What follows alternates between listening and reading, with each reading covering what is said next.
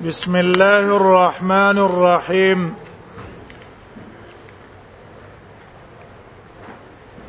قال ابو عيسى سالت محمدا عن هذا فقال يحتمل ان يكون قتاده روى عنهما جميعا امام ترمذی رحم الله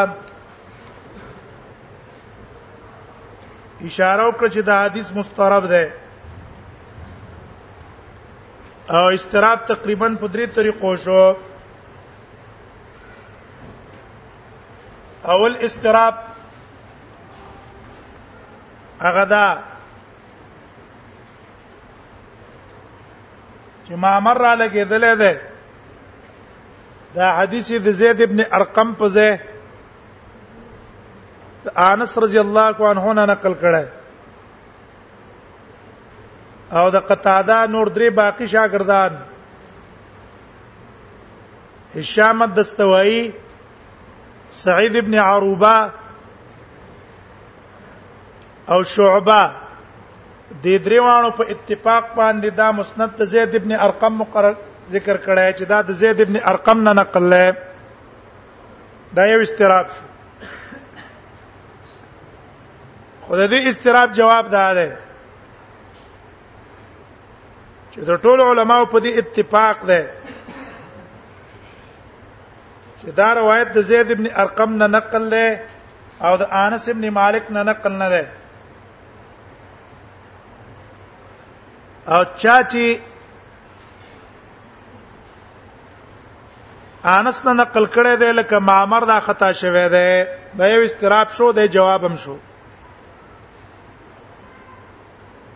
نو دویم استراب اپ دې کې ده چې هشام را لګيږي دا روایت چې نقل کړي د ابو قتاده را هشام پر روایت کې د ابو قتاده او د زید ابن ارقم په منځ کې واسطه نشته نه د نظر ابن انس او نه د قاسم ابن عوف الشیبانی قتاده دا ډایرک نقل کړی دی د زید ابن ارقم نه دا دویم استراب شو خدا استراب مخیل نه ده ولې ټول علما په دې اتفاق ده چې هشام دستوایی روایت دلته غلط ده ځکه قتاده لم يسمع د د یو صحابي نه سما نه ده کړې په غیر د انس ابن مالک نه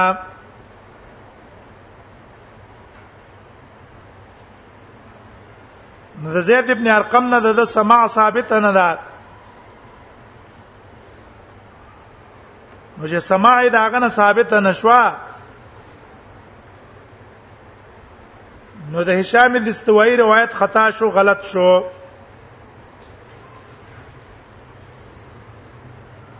غلط شو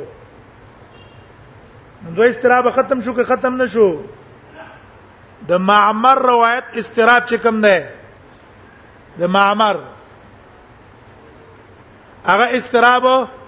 په څه وجه ختم شو چې معمر خطا ده چې دا حدیث د زید ابن ارقم په زید چاره نقل کړی دا انس نه خطا شو شاه چې د زید ابن ارقم نه نقل کړي لکه شعبہ او هشام او سعید ابن ابي عروبه نو اقی روایت صحیح ده چې دا د زید ابن ارقم نه نقل لر انس نه نه نقل او دویم استراب کوم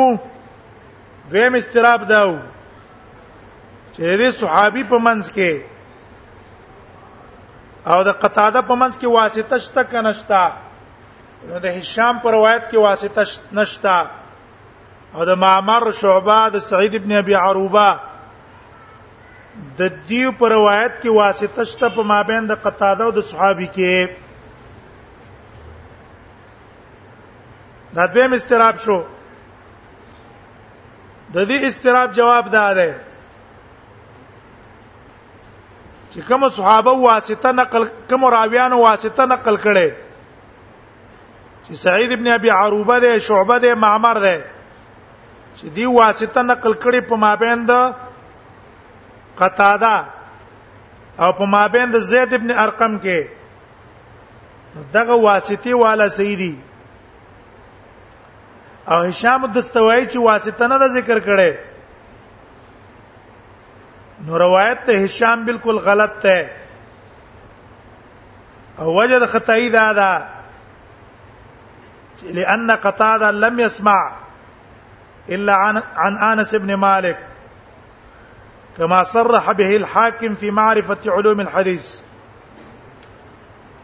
امام حاکم په علوم الحديث کې تصریح کړی په دې خبره چې قتاده په غیر د انس نه د بل چانه سماع ثابت نه ده صرف د انس رضی الله عنه نه اوریدل کړي او دنه په غیر د بل صحابي نه اوریدل د حدیث نه دی کړي نو دغه اشکال هم څه شلو دغه استراب هم ختم شو صرف یو استراب پاتې شو یو استراب هغه دا چې آیا دا واسطه په ما بین د قتاده او په ما بین د زید ابن ارقم کې دا واسطه قاسم ابن عوف شیبانی ده او کدا واسطه نضر ابن انس ده نظر ابن انس ته دا یو استراب پاتې شو نو د دې استراب د پکېدو د پاره امام ترمذی امام بخاری نه تپوس کړی دا قول نقل کړي وګوره د امام بخاری نه چې تپوس کړی دی دا کم استراب شو دا دا صورت استراب شو اورنې صورت او خرنې استراب صورت جوابي نه ده کړې امام بخاری امام بخاری اورنې او خرنې استراب جواب نه ده کړې دا دې منځنی د دویم استراب جواب کړه نو څه تو ګورئ حاصل دی د جواب دا ده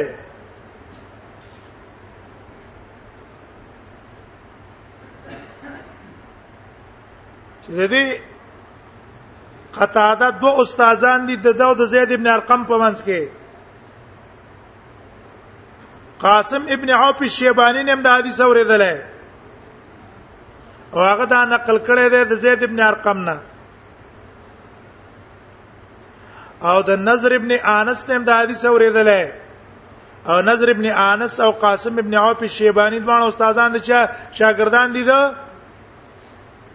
زید ابن ارقم نو د دوانو د زید ابن ارقم نه اوریدل او د دې دوانو نه قتاده اوریدل قتاده یو ځل قاسم ابن عوف شیبانی ویله سعید ابن ابي عروبه ته نقل کو او بل ځلی نظر ابن انس ویله دغه نظر ابن انس والا روایت ته شعبہ او معمر نقل کړو استراف ختم شو که ختم نشو حدیث وایي زیش نو قال وسوتو ګورئ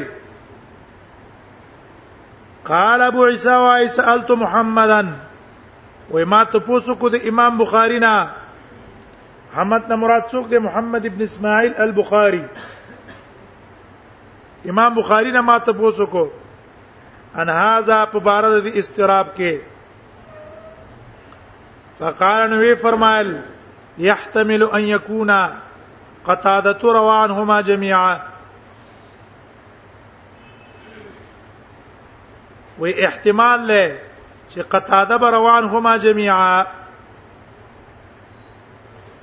روان هما جميعا کې دان هما کې ضمیر چا تراجه ده هاذا کې خو ضمیر استراب تراجه ده عن هما کې ضمیر چا تراجه ده چا خو ضمیر راجه کړی ده ضمیر راجه کړی زید ابن ارقم ته چاته زید ابن ارقم تا او نظر ابن انس تا زمیر راځي کړه زید ابن ارقم تا او نظر ابن انس تا معنی دا ده معنی کې دی شي چې قطاده به دا حدیث د زید ابن ارقم نه یوزل اوریدلې بالواسطه واسطه د قاسم واسطه د قاسم ابن عوف الشیبانی دغه پر روایت د سعید کې او یا په واسطه د نظر ابن انس روایت سعید او د شعبه کې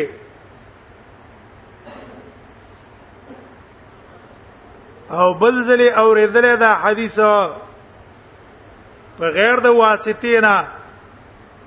لکه پر روایت د هشام کې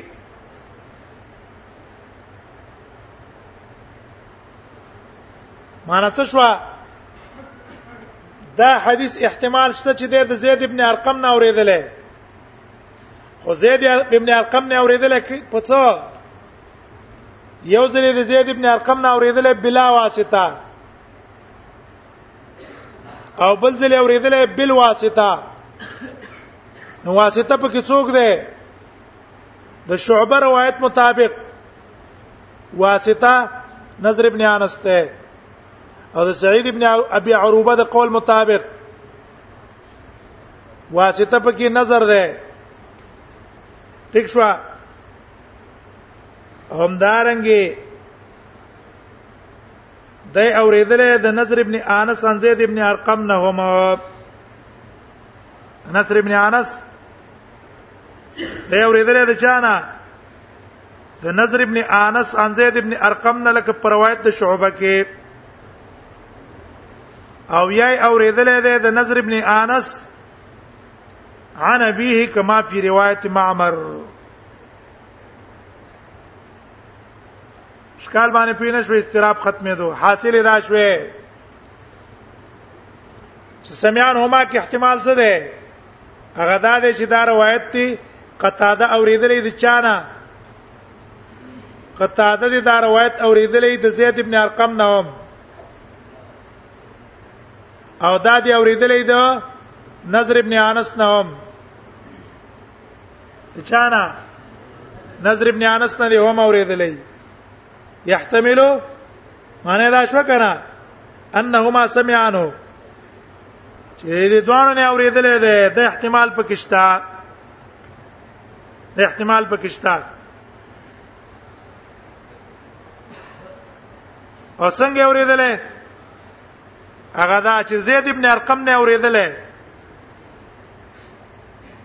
بغیر د واسطې نه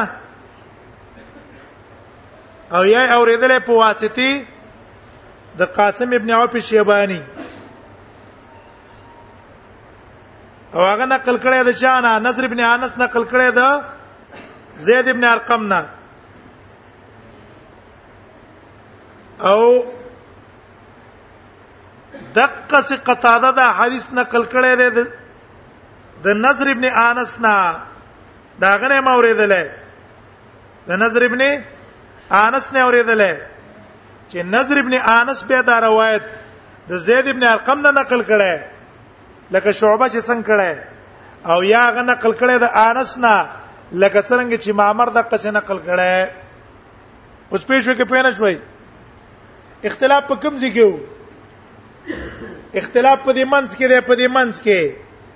چې دا حدیث د عوف شیبانی نه اوریدلې قتاده د چا نه اوریدلې قاسم ابن عوف شیبانی نه اوریدلې او کدا روایت د چا نه اوریدلې د د نظر ابن انس نه اوریدلې دی ویل يحتملو دې کې احتمال شته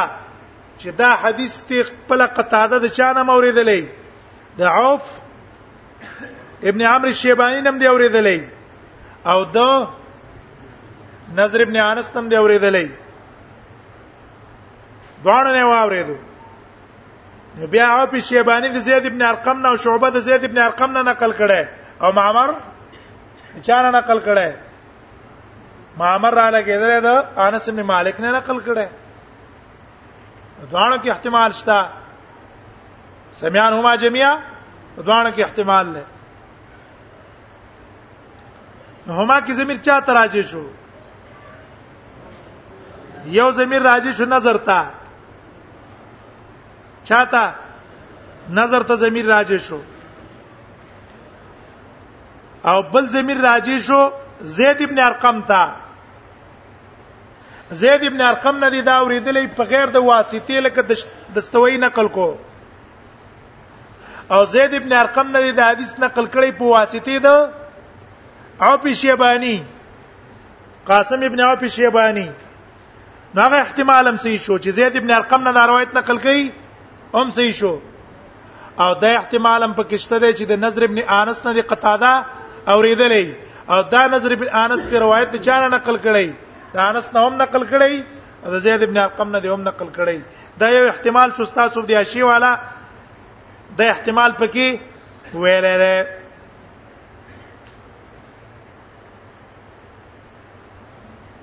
دویم دویم قول دویمه توجیه چې هغه راجحه ده دا توجیه دونه راجحه نه ده ځکه په دې باندې اشکال بیا هم نه ختميږي اشکال پکې پاتې شو کنه چې تا زمير چاته راځي کو زید ابن ارقم ته او نظر ابن انس ته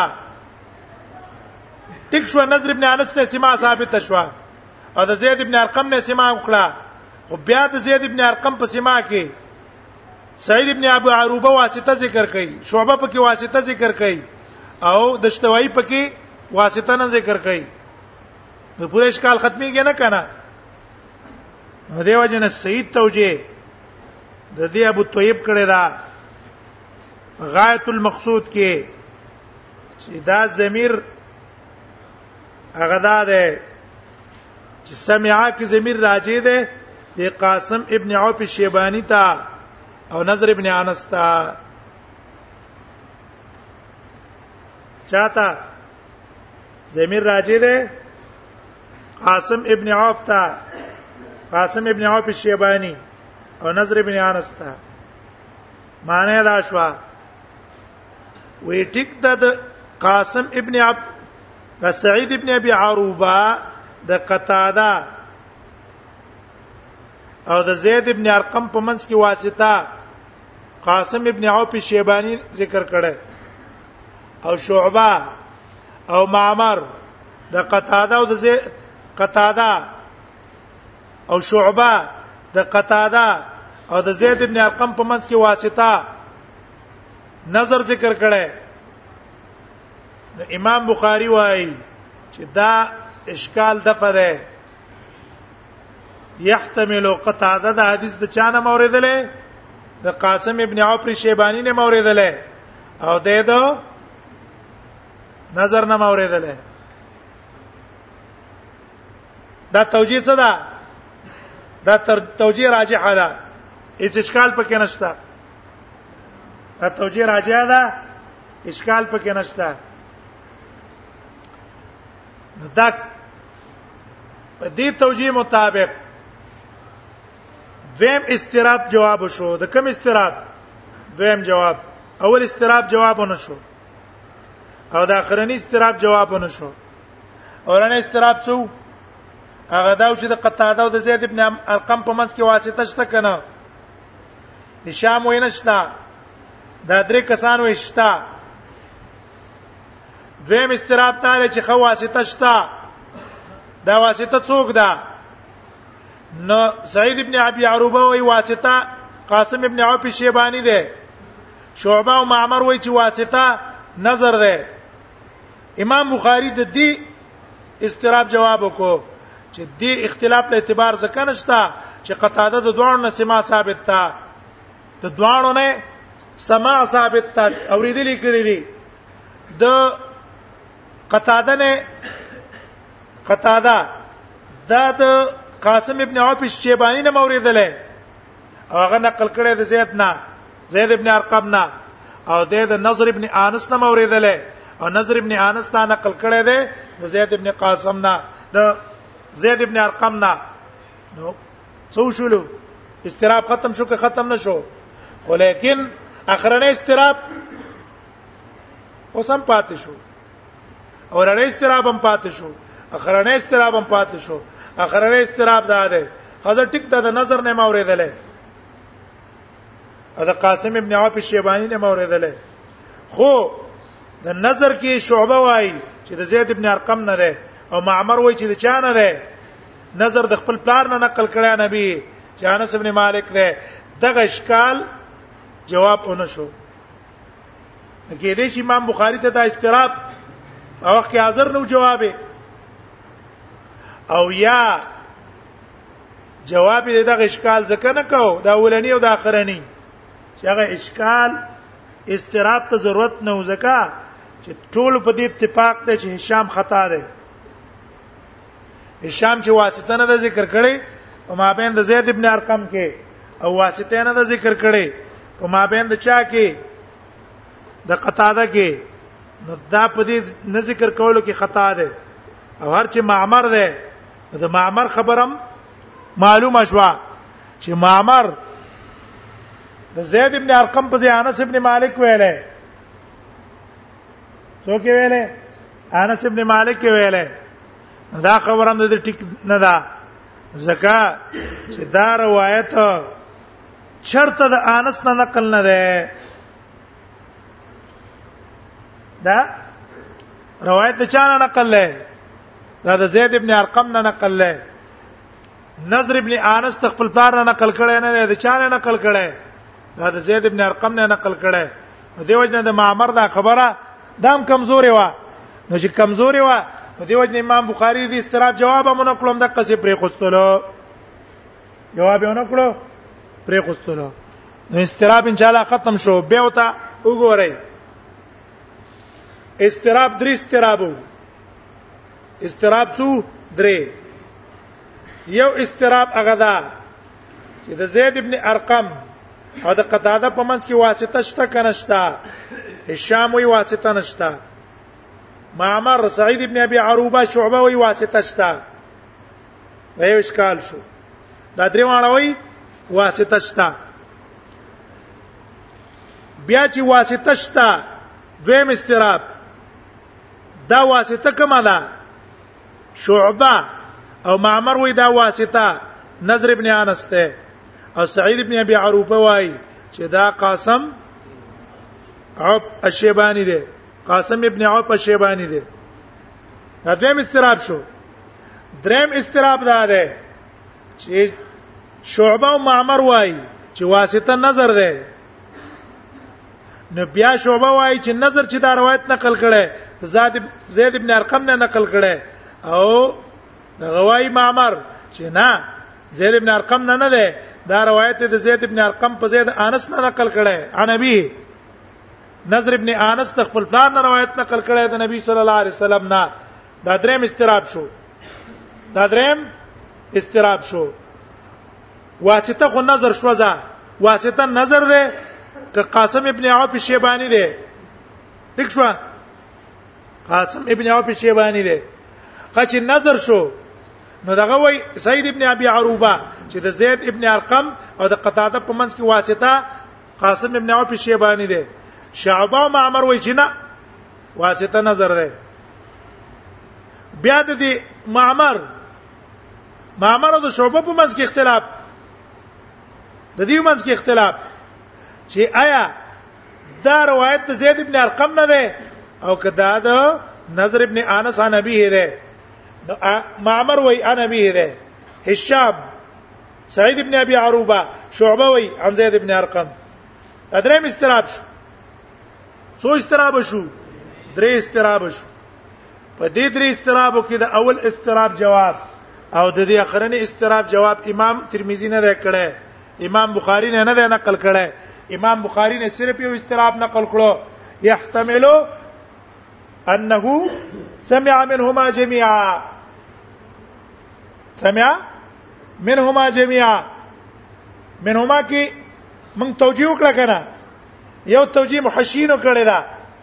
چې منهما کې ضمیر چا ته راځي ده نظر ته او زید ابن ارقم ته نظر او زید ابن ارقم ته وای دا حدیث د زید ابن ارقم نه موریدل د نظر د زید ابن ارقم نه موریدل د احتمال پکشتل کې هشام چې څنګه وای او دا احتمال پکشتا چې دا حدیث د نظر نه موریدل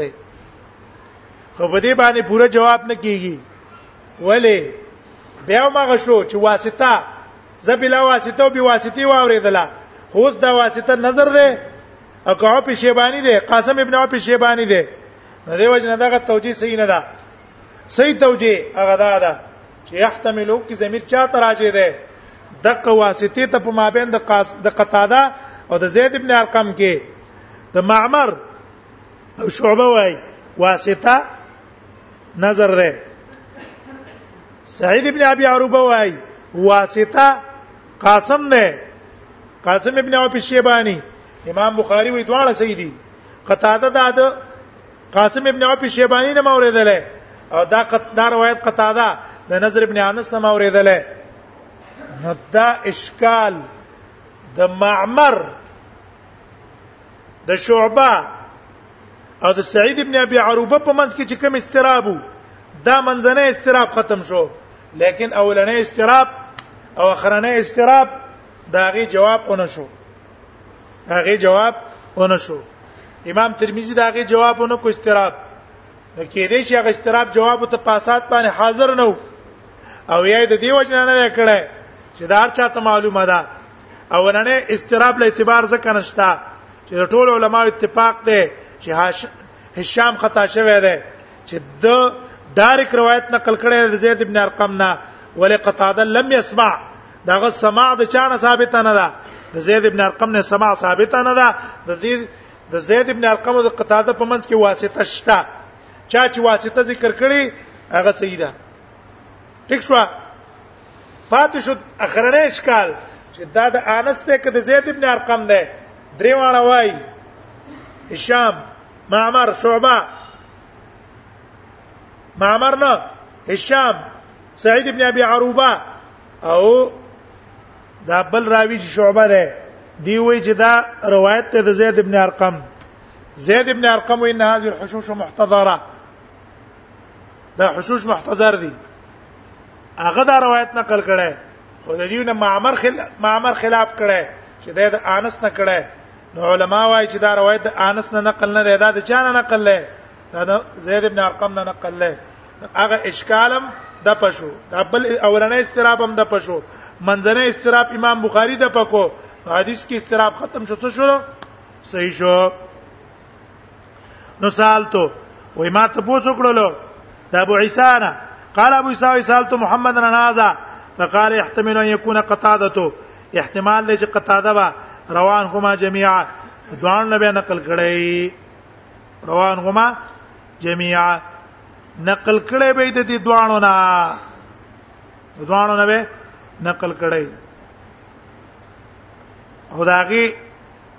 وجه من او خو درې ضمیر چا تراجه ده باب ما یقول اذا خرج من الخلا باب بیان دغه دعا کې چې سړی به وای اذا خرج من الخلا چې کړه د بیت الخلا نه راوځي امام ترمذی رحمه الله ادب بیان کو چې بیت الخلا نه راوځي کومه دعا بکې نور پسې متصل د خروجي ویلا ابو داود کې موږ نقطه ویلې و چې د پمنس کې ډیر بعد راوستو دا د پاره د تنبه طالب ته وی ګوره غزړه دعا یې رنه کې بیت الخلا نه چې روزي کومه دعا بکې وبي قال حدثنا محمد بن حميد ابن اسماعيل قال حدثنا مالك دلته دې سند متعلق خبر ده پاتې شو نه نه پاتې حدثنا احمد بن عبد الضبي قال حدثنا حماد بن زيد عن عبد العزيز بن صهيب عن انس بن مالك قال ان النبي ان النبي صلى الله عليه وسلم كان اذا دخل الخلاء قال اللهم اني اعوذ بك من الخبث والخبائث هذا حديث حسن صحيح سنم ده سيد ابو داود راوله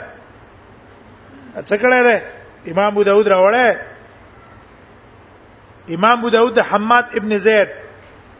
هم دا روایت هغه راوړیو حماد ابن زید نه دم راوړو وس ما يخرج من الخلا بوي محمد ابن حمید ابن اسماعیل په دې نسخه کې محمد او د ابن اسماعیل په منځ کې حمید زید ته محمد محمد دار محمد چې زوی د حمید ابن اسماعیل له د روایت نقل کړي د مالک ابن اسماعیل نه وګوره سونه کتب الرجال چې دي کتب الرجال دغه تهذیب الکمال او سیر اعلام النبلاء تهذیب التهذیب او تقریب او وغیر ذلک چې د جرح او تعدیل متعلق څونه کتابونه لیکل شوی دي نو په دې ټولو کتابونو کې یو راوی چې دا غنوم دی محمد ابن حمید ابن اسماعیل چې د امام ترمذی په استادانو کې چرته د سراويشته دی نه امام ترمذی په استادانو کې د سراوی چې دا غنوم محمد ابن حمید ابن اسماعیل یا غشته دی نه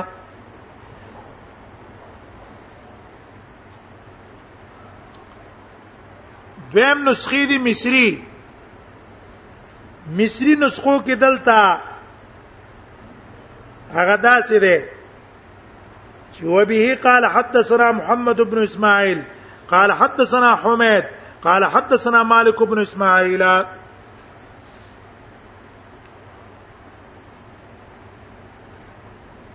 د محمد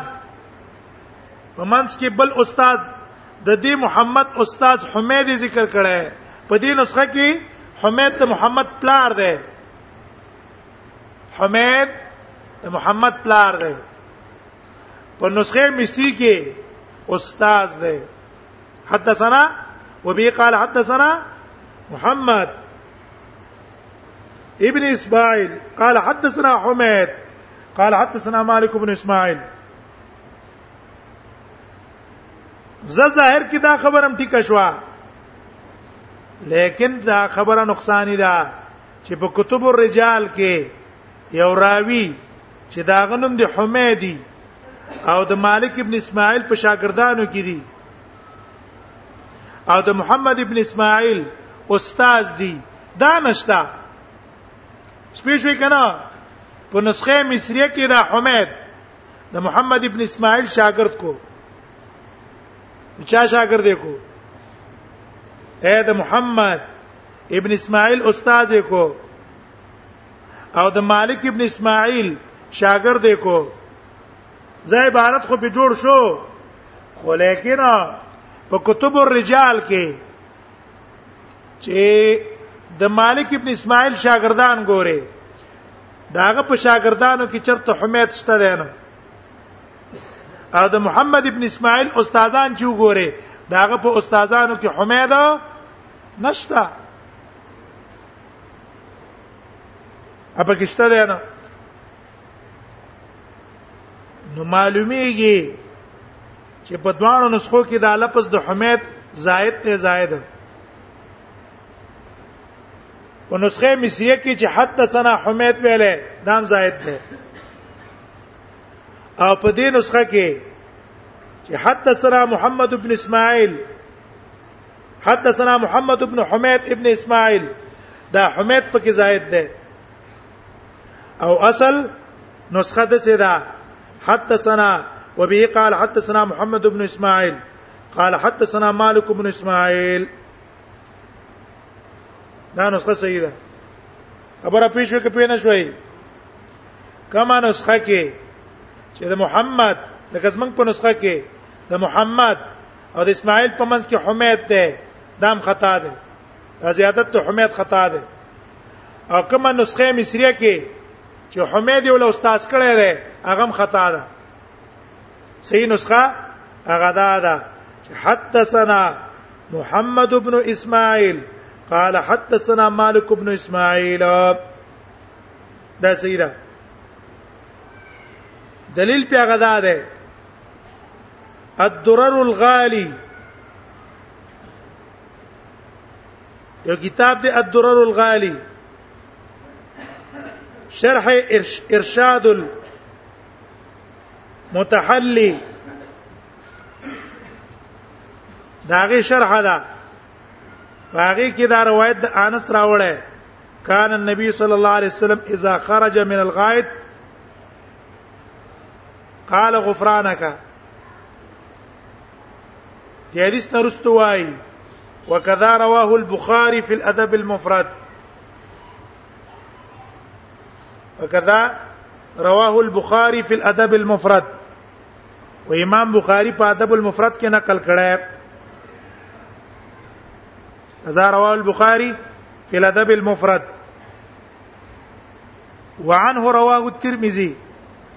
عن عائشه او امام ترمذی هم ته نقل کړه انا عائشه بیا روایت د عائشه بینیم په دې سند بینی ام په دې سند ام په دې متن د نقل کړه ده د نقل کړه یعنی په دې سند هم په دې نقل او په ابتدا د سند کې د سی ویلي حدثنا مالک بن اسماعیل حدثنا مالک بن اسماعیل نو د دکې نه پته ولګېدله چې د امام ترمذی چې دا کوم استاد دی دا حمید پکې خطا ده او دا محمد ابن اسماعیل امام بخاری ده څوک ده محمد ابن اسماعیل امام بخاری ده او د امام بخاری استاد ده مالک ابن اسماعیل ولی الته د امام بخاری نه کوم روایت نقل کړه الته وای امام بخاری نقل کړه و به قال حدثنا مالک بن اسماعیل نو پته ولګیدله چې دا اصل نسخه محمد ابن اسماعیل له محمد ابن اسماعیل دا روایت نقل کړی د مالک ابن انس نه ولې د مالک ابن انس نه دا امام بخاری په ادب المفرد کې نقل کړی ادب المفرد کې الته نقل کړی پته ولګیدله چې دا استاد څوک دی دا محمد ابن حمید ابن اسماعیل نه ده دا محمد ابن اسماعیل نه او دا حمید پکې د کاتب نه سره راغلی خدای راغلی چې دا حمید پکې زیات کړي وای شو که پوه نه شوي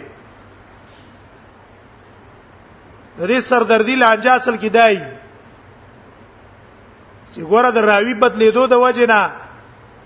روایت طریقم بدلیږي کنه نو دیو جنا سره چې تاسو وی چې دا بدل دی دا بدل نه دی دکا امام بخاری دی بل نه دی نو حتى سنا وبه قال حدثنا محمد بن اسماعيل البخاري دنا څوک مراد شو امام بخاري قال حدثنا مالك بن اسماعيل عن اسرائيل عن يوسف بن ابي بردان ابي عن عائشه عائشه رضي الله عنها روایت ده قالت كان النبي صلى الله عليه وسلم اذا خرج من الخلاء النبي صلى الله عليه وسلم کله د بیت الخلاء نه وروته قال غفرانك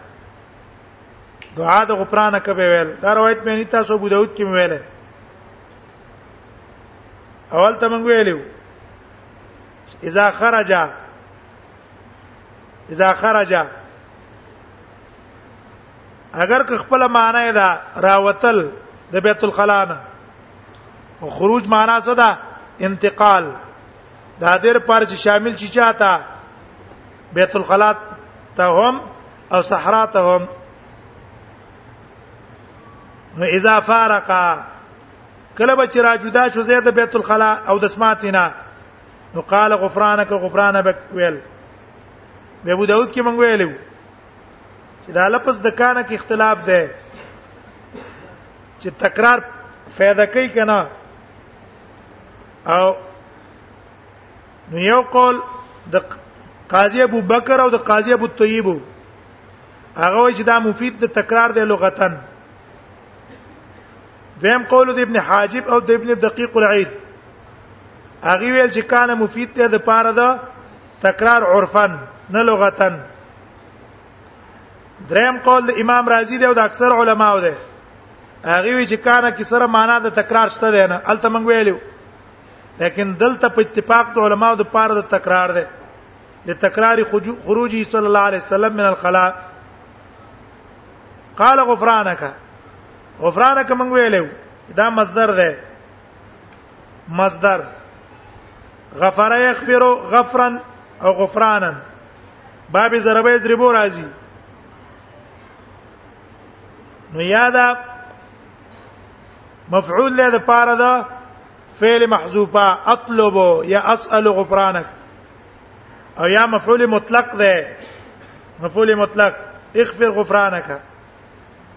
اغفر